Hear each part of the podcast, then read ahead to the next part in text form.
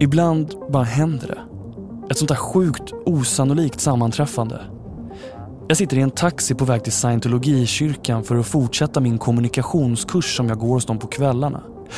Taxichauffören som kör mig säger att han går igenom en skuldsanering och tvingas därför leva på existensminimum.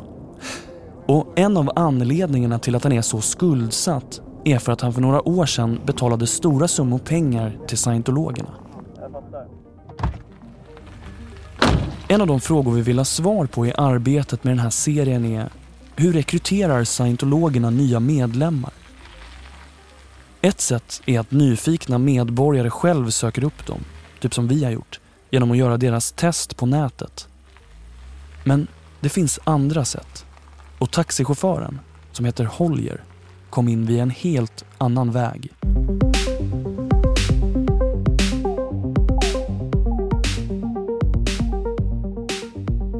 Det här är Slutna sällskap.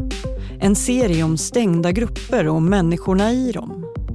Den här säsongen handlar om scientologikyrkan och i det här femte avsnittet om hur organisationen verkar i olika delar av samhället. Jag har svårt att ta in att jag på väg till scientologikyrkan hamnar i en taxi med en före detta scientolog. Det är så märkligt. Men jag finner mig tillräckligt för att ta taxichaufförens nummer. Inne på scientologikyrkan fortsätter min kommunikationskurs.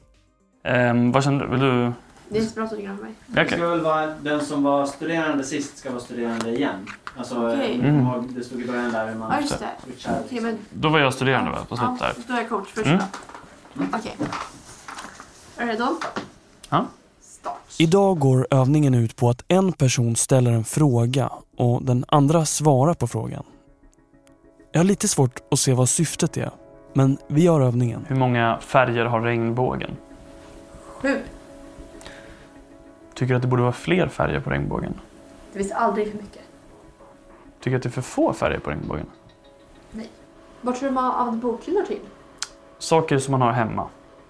Bra. Är det en vit vägg? Det skulle verkligen kunna vara det. Är det tänt här inne?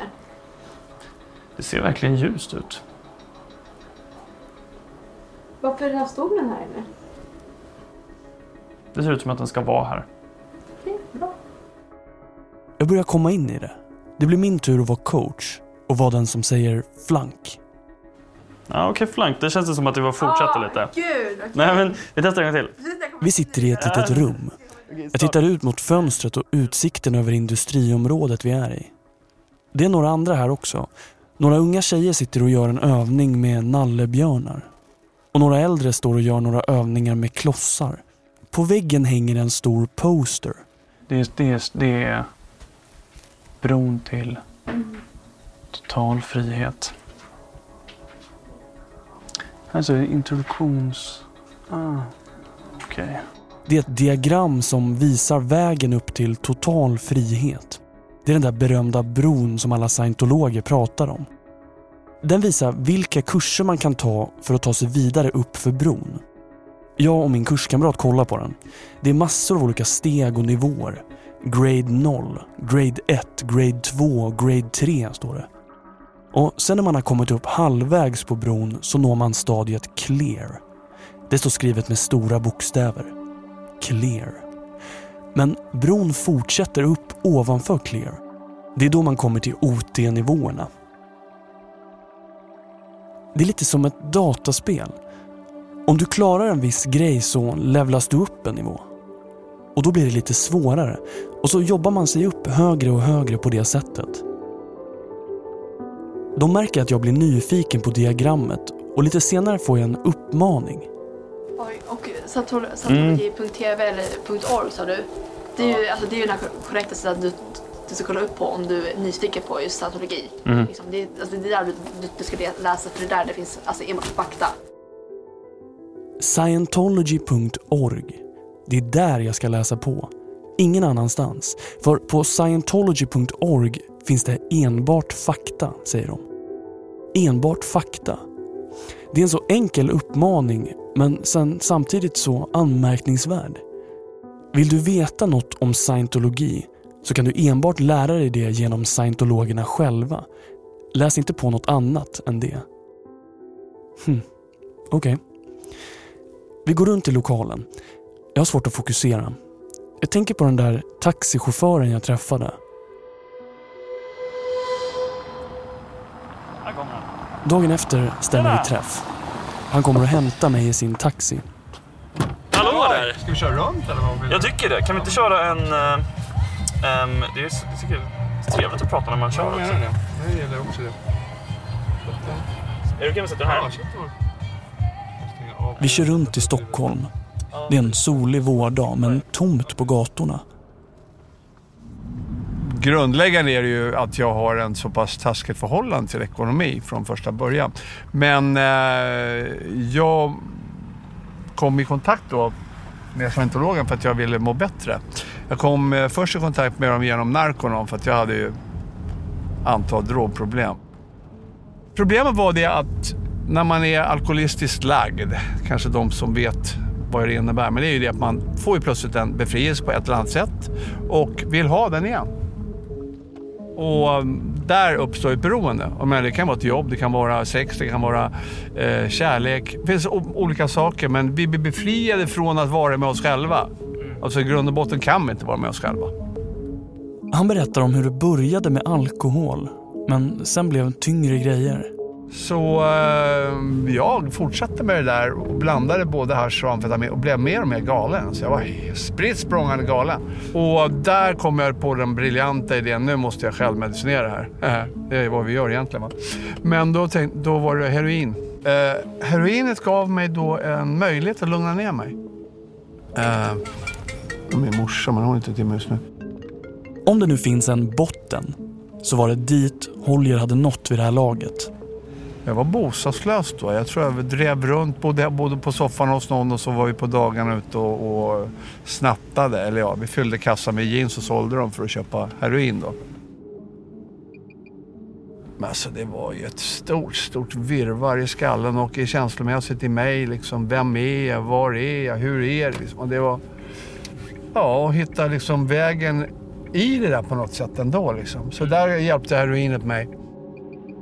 En dag kommer han i kontakt med en kvinna som berättar om boken Dianetik. Scientologernas storsäljare som grundaren L. Ron Hubbard har skrivit. Jag tror hon har varit där på Narcon. Hon bodde i Södertälje också. Mm. Och, och, hon gav mig den här boken, eller om jag köpte boken, jag inte Han tycker att boken är intressant och ser det som att han får presenterat en lösning på sina problem. Jag fick ju ett hopp där någonstans. Här finns det ju någonting, liksom, någon som, som kan hjälpa mig liksom, med den här svåra förvirringen som jag har med mig själv. Som jag liksom inte kan lösa. Snart börjar han i Narconons drogrehabilitering. Jag menar, det, var ju, det var ju skönt att bli drogfri där liksom. Och, och då är det ju tomrum där. Så är det ju. Drogen är ju liksom, har ju tagit upp en stor plats, kan jag förstå idag. Och det blir ett tomrum där. Så någonting måste det fyllas med. Och, eh, ja, och då blev det ju scientologin i alla fall.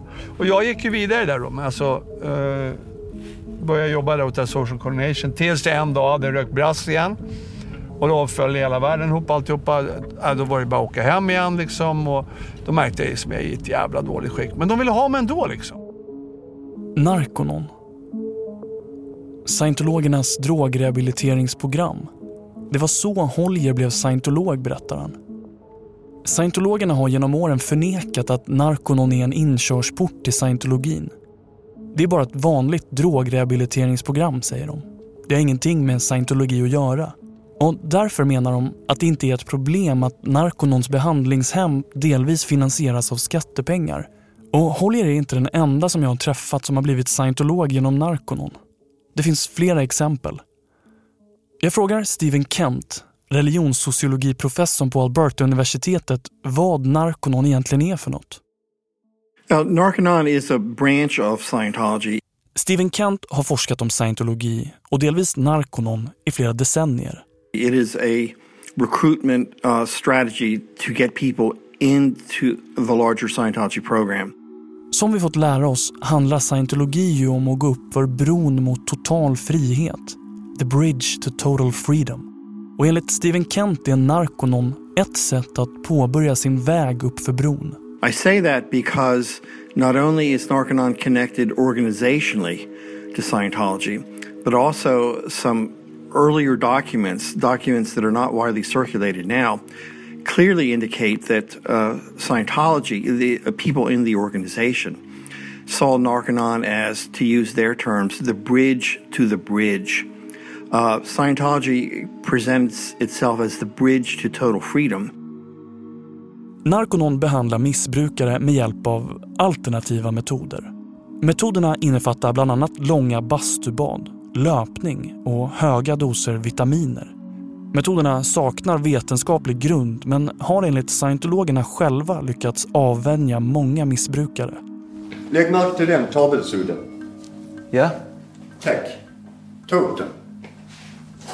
Det här är från SVT-dokumentären Lockad av scientologi som handlar om Narconons behandlingshem i Eslöv i Skåne. Lägg märke till det pappret. Ja. Tack. Ta upp det. Tack.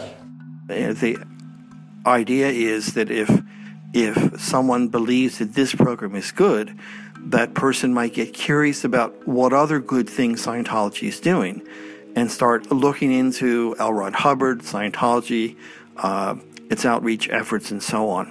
So the image that Scientology has of itself is it it wants to uh, become the dominant uh, intellectual and operational force in the world. Narconon har närmare 40 behandlingshem runt om i världen. Bland annat i USA, Danmark, Colombia, Spanien, Italien, Storbritannien och Taiwan. I Sverige har de ett. Det är Eslöv. På deras hemsida beskriver de sig som det lilla behandlingshemmet med stort hjärta och engagemang och att de under 37 år har hjälpt missbrukare att skapa ett meningsfullt, drogfritt liv. Men det står inte ett ord om scientologi där. The Narconon officials often will say that, that there is no relation to the Church of Scientology. Uh, they will say that the Narconon treatment is a secular treatment, not involving uh, aspects of the Scientology religion. Och det finns flera saker som talar för att Narconon faktiskt är en del av scientologirörelsen, säger Stephen Kent. So there are a whole lot of issues uh, with Narconon, some of which involve the connections to the Scientology organization as a recruitment tool. Others involve monies that flow from Narconon into the Scientology organization. Uh, others involve the lack of scientific justification for the program. Diskussionerna har pågått i flera år. Kritiker menar att Narconon är scientologi, men Narconon själva förnekar det.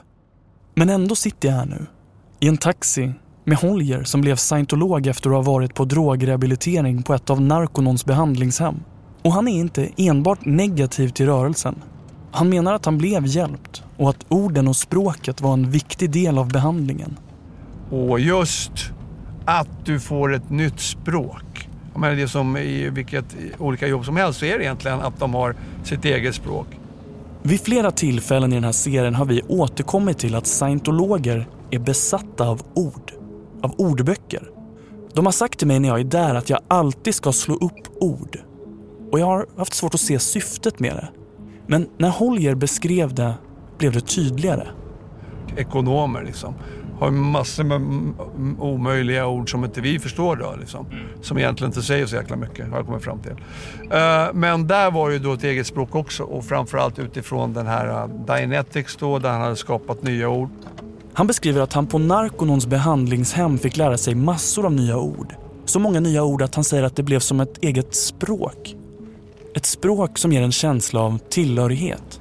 Och, eh, så man lär sig ju, man blir ju liksom separerad då från den här gamla världen genom det här nya språket. Och, eh, så att redan på Narconon så börjar ju egentligen den där programmeringen då. I förra avsnittet berättade vi om att jag när jag gick kursen skulle skriva under papper om att jag fick vinster när jag var där och gjorde olika övningar. Det är samma där. Jag har inte riktigt förstått poängen. Men Holger beskriver det som att vinsterna skapar engagemang och motivation.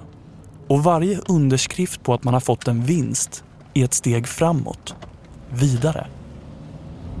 Du får ju vinster micro-commitments. Och det är egentligen vad de också lyckas med. Att göra, få en att göra små, små, små commitments för att komma vidare. Och det är ju så här, vilken organisation som helst som du, som du tillhör och du får vinster, vi säger att du har en svårighet med någonting och du får vinster av det här, då kommer ju du gå vidare. Men för att få vinsterna måste han betala för kurserna.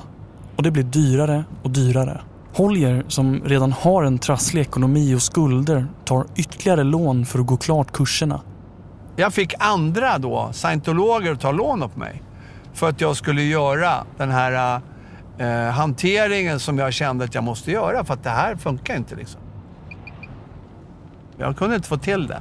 Så det var ett hopp som upptändes där att jag skulle kunna få till eh, ett funktionellt liv. Innan var han tvungen att få fram pengar till droger. Nu måste han få fram pengar till kurser hos scientologerna. Det har varit 100 000 att börja med. Sen så steg det där och sen vart det ett banklån. Eh, så att det var ju mitt hopp att jag skulle göra den här auditeringen som det heter. Vilket är en fascinerande sak egentligen i sig. Vi svänger av och parkerar vid en liten park. Jag försöker få ihop Holgers berättelse i mitt huvud. Holger kör taxi och går igenom en skuldsanering. Och en anledning är att han har belånat sig för att gå kurser hos scientologerna. Ja, men hur tänker du tillbaka på de här hundratusentals kronorna som du har spenderat på scientologin? Eh, men kanske var det så att det var det jag behövde för att överleva. För många heroinister har ju dött. Det är inte många kvar som jag känner från den tiden som lever. Holger tänker alltså att scientologin kanske ändå var hans räddning. Och trots att han fortfarande betalar av sina skulder och inte längre är scientolog så känner han ingen bitterhet. Jag funderar mycket på det, för egentligen handlar det ju väldigt mycket om vilket ansvar vill jag ta i mitt eget liv. Ska jag fördela ansvaret och säga att ah, det var den jävla scientologen som gjorde att jag skuld, skuldsatte på Nej, det var det inte. För att de faktiskt erbjöd en möjlighet som jag var intresserad av. Ja, och sen så var de bra på att pusha mig när de såg att jag väl hade kommit dit. Men utan mitt intresse överhuvudtaget så hade jag inte kommit dit.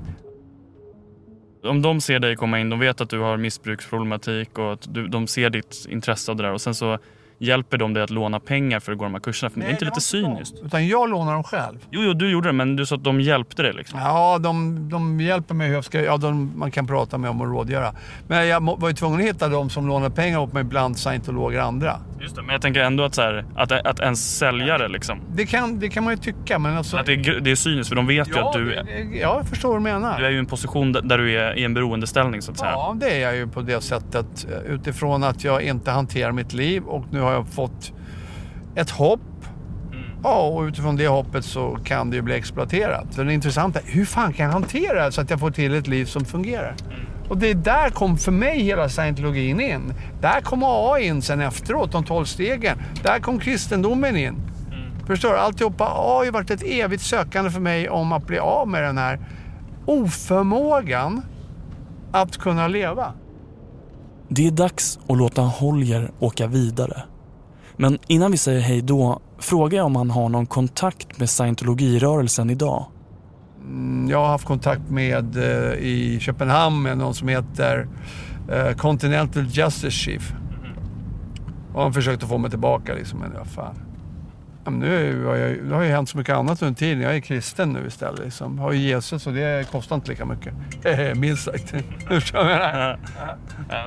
Så att, eh, nej, jag... Men vad, det är ju det som är, liksom, vad är skillnaden då mellan att vara kristen och vara scientolog där? Förutom i den uppenbara tron liksom.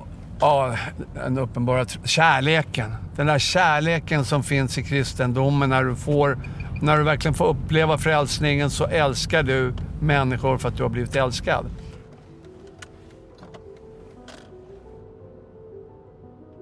Mariette Lindstein, som var högt uppsatt scientolog i USA i många år, tycker att problemet är just att organisationer som har koppling till scientologerna inte är öppna med det. Om du frågar dem, till exempel om du frågar Naken, och säger de vi är absolut inte scientologer. Vi har ingen koppling till scientologerna. Och det är lögnen. För då blir det något som kallas för en frontgrupp. Och en frontgrupp eh, det är mer som ett gift i samhällets ådror. Liksom. Du kan inte upptäcka dem. När jag hör om Narconon tänker jag på den där bläckfisken Mariette pratade om tidigare i den här serien. Hon beskrev ett omslag i Time Magazine där scientologerna illustrerades som en bläckfisk. En bläckfisk som med sina många långa armar liksom sträcker sig ut åt olika håll.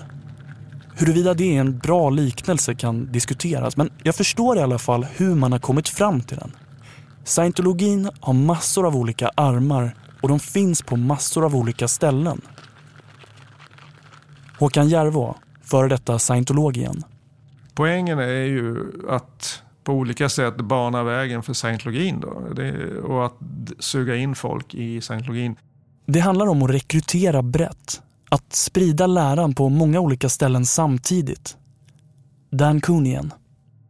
That includes the school system, includes the drug rehab system, includes uh, uh, the Criminon system, which is in the, into the prison system. Scientology has this goal to to spread their philosophy and their practices as far as as far as they can possibly spread them.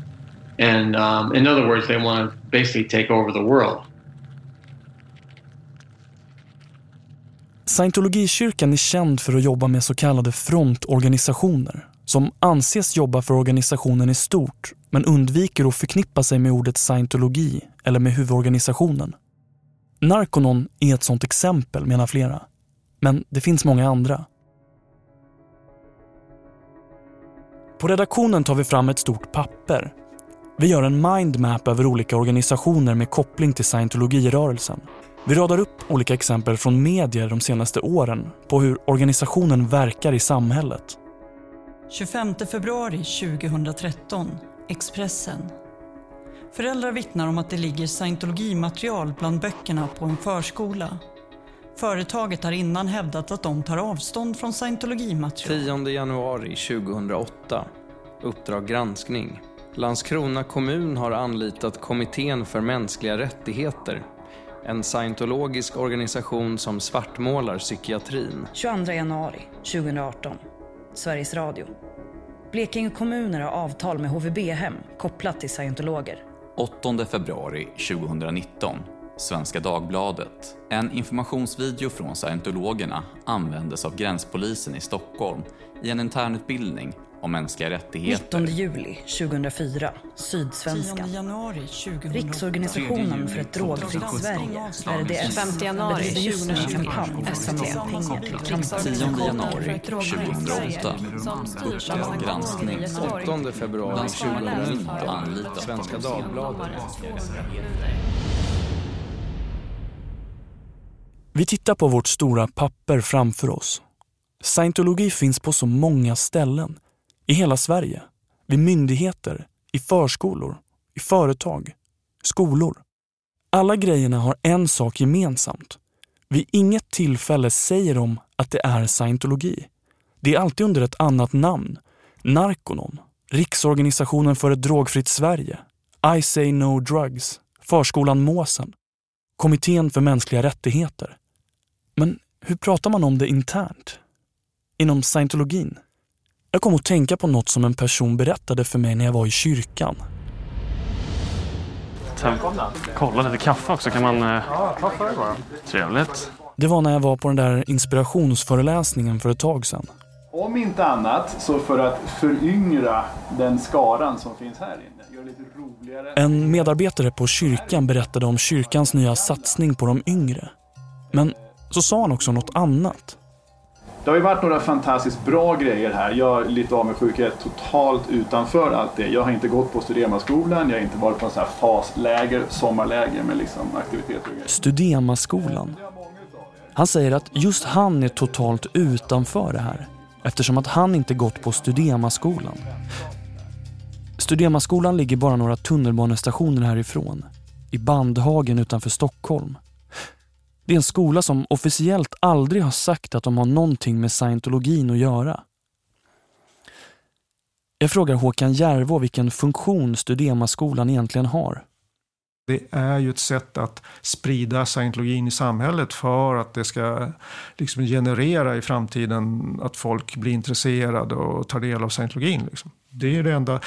Allt scientologer gör, men det är självbevarelsedrift. Det är inget konstigt i det egentligen.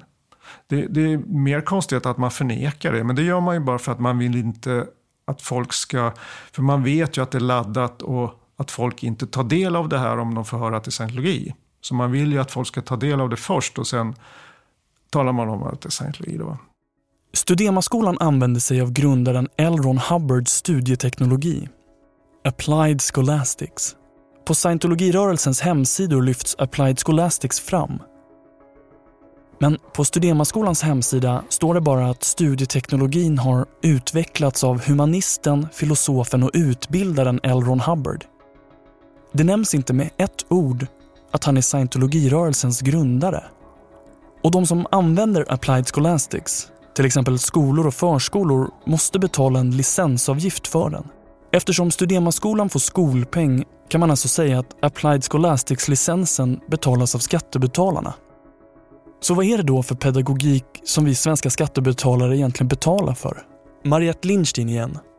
Scientologin har sin egen studieteknik.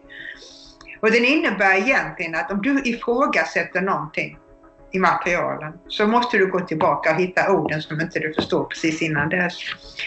Och det är ett slags inlärningssystem som hindrar barn från att ifrågasätta saker. Det är livsfarligt. Men Studemaskolan har gång på gång förnekat att de har något med scientologi att göra. Trots att alla i skolledningen är scientologer och att majoriteten av de anställda på skolan också är det. Det präglar inte undervisningen, hävdar de. Och de förnekar att det skulle vara en plantskola för scientologer. Det kanske ser oskyldigt ut att de får ha en skola eller att de får ha eh, alltså drogrehabilitering. Men vad de egentligen gör är att de använder samma metoder som i kyrkan på en bredare skala. Och syftet är alltid att, att få mer människor in i scientologin. Och eh, ja, det är farligt. Flera medier har rapporterat om kopplingen mellan scientologikyrkan och Studemaskolan. Men slutsatsen är alltid densamma.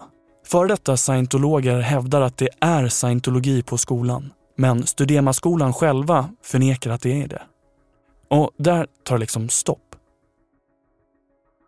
Fast en dag på scientologikyrkan får jag höra något.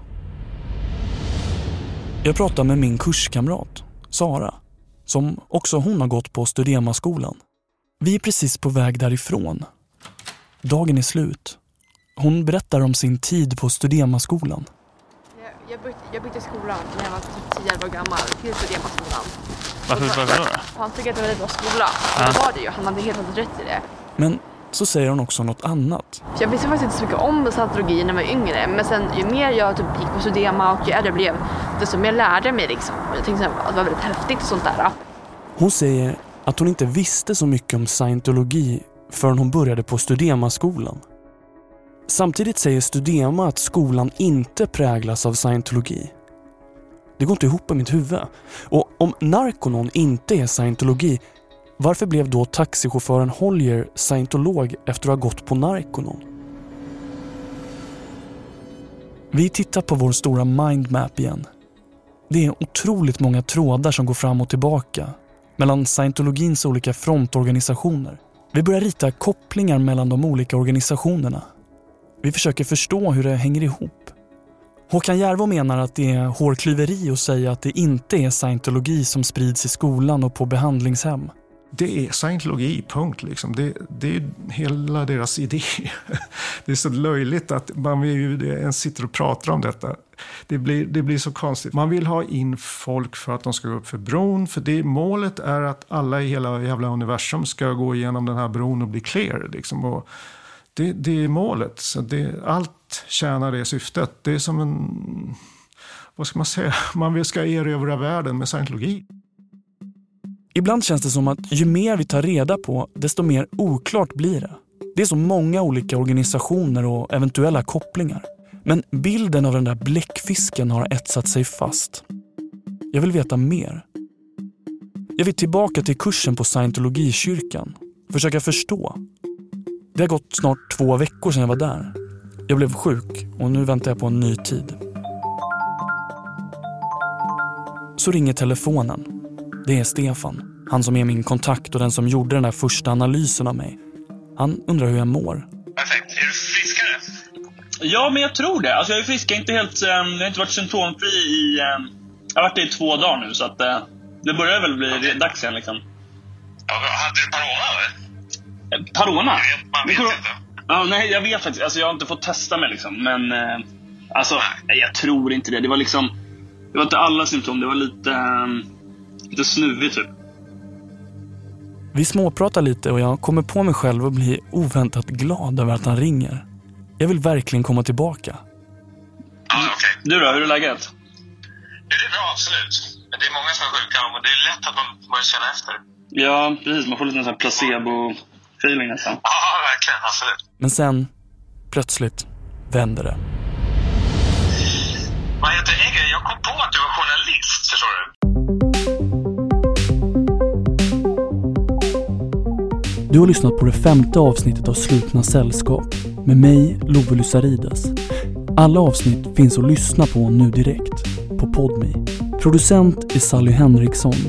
Klippning och ljudläggning av Simon Moser.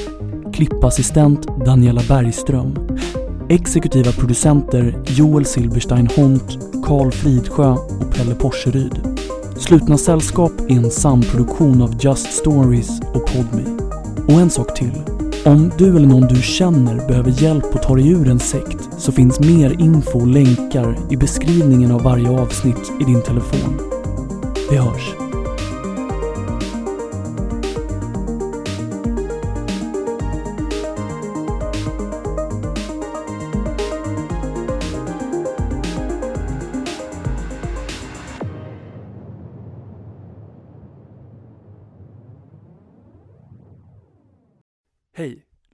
Lova här.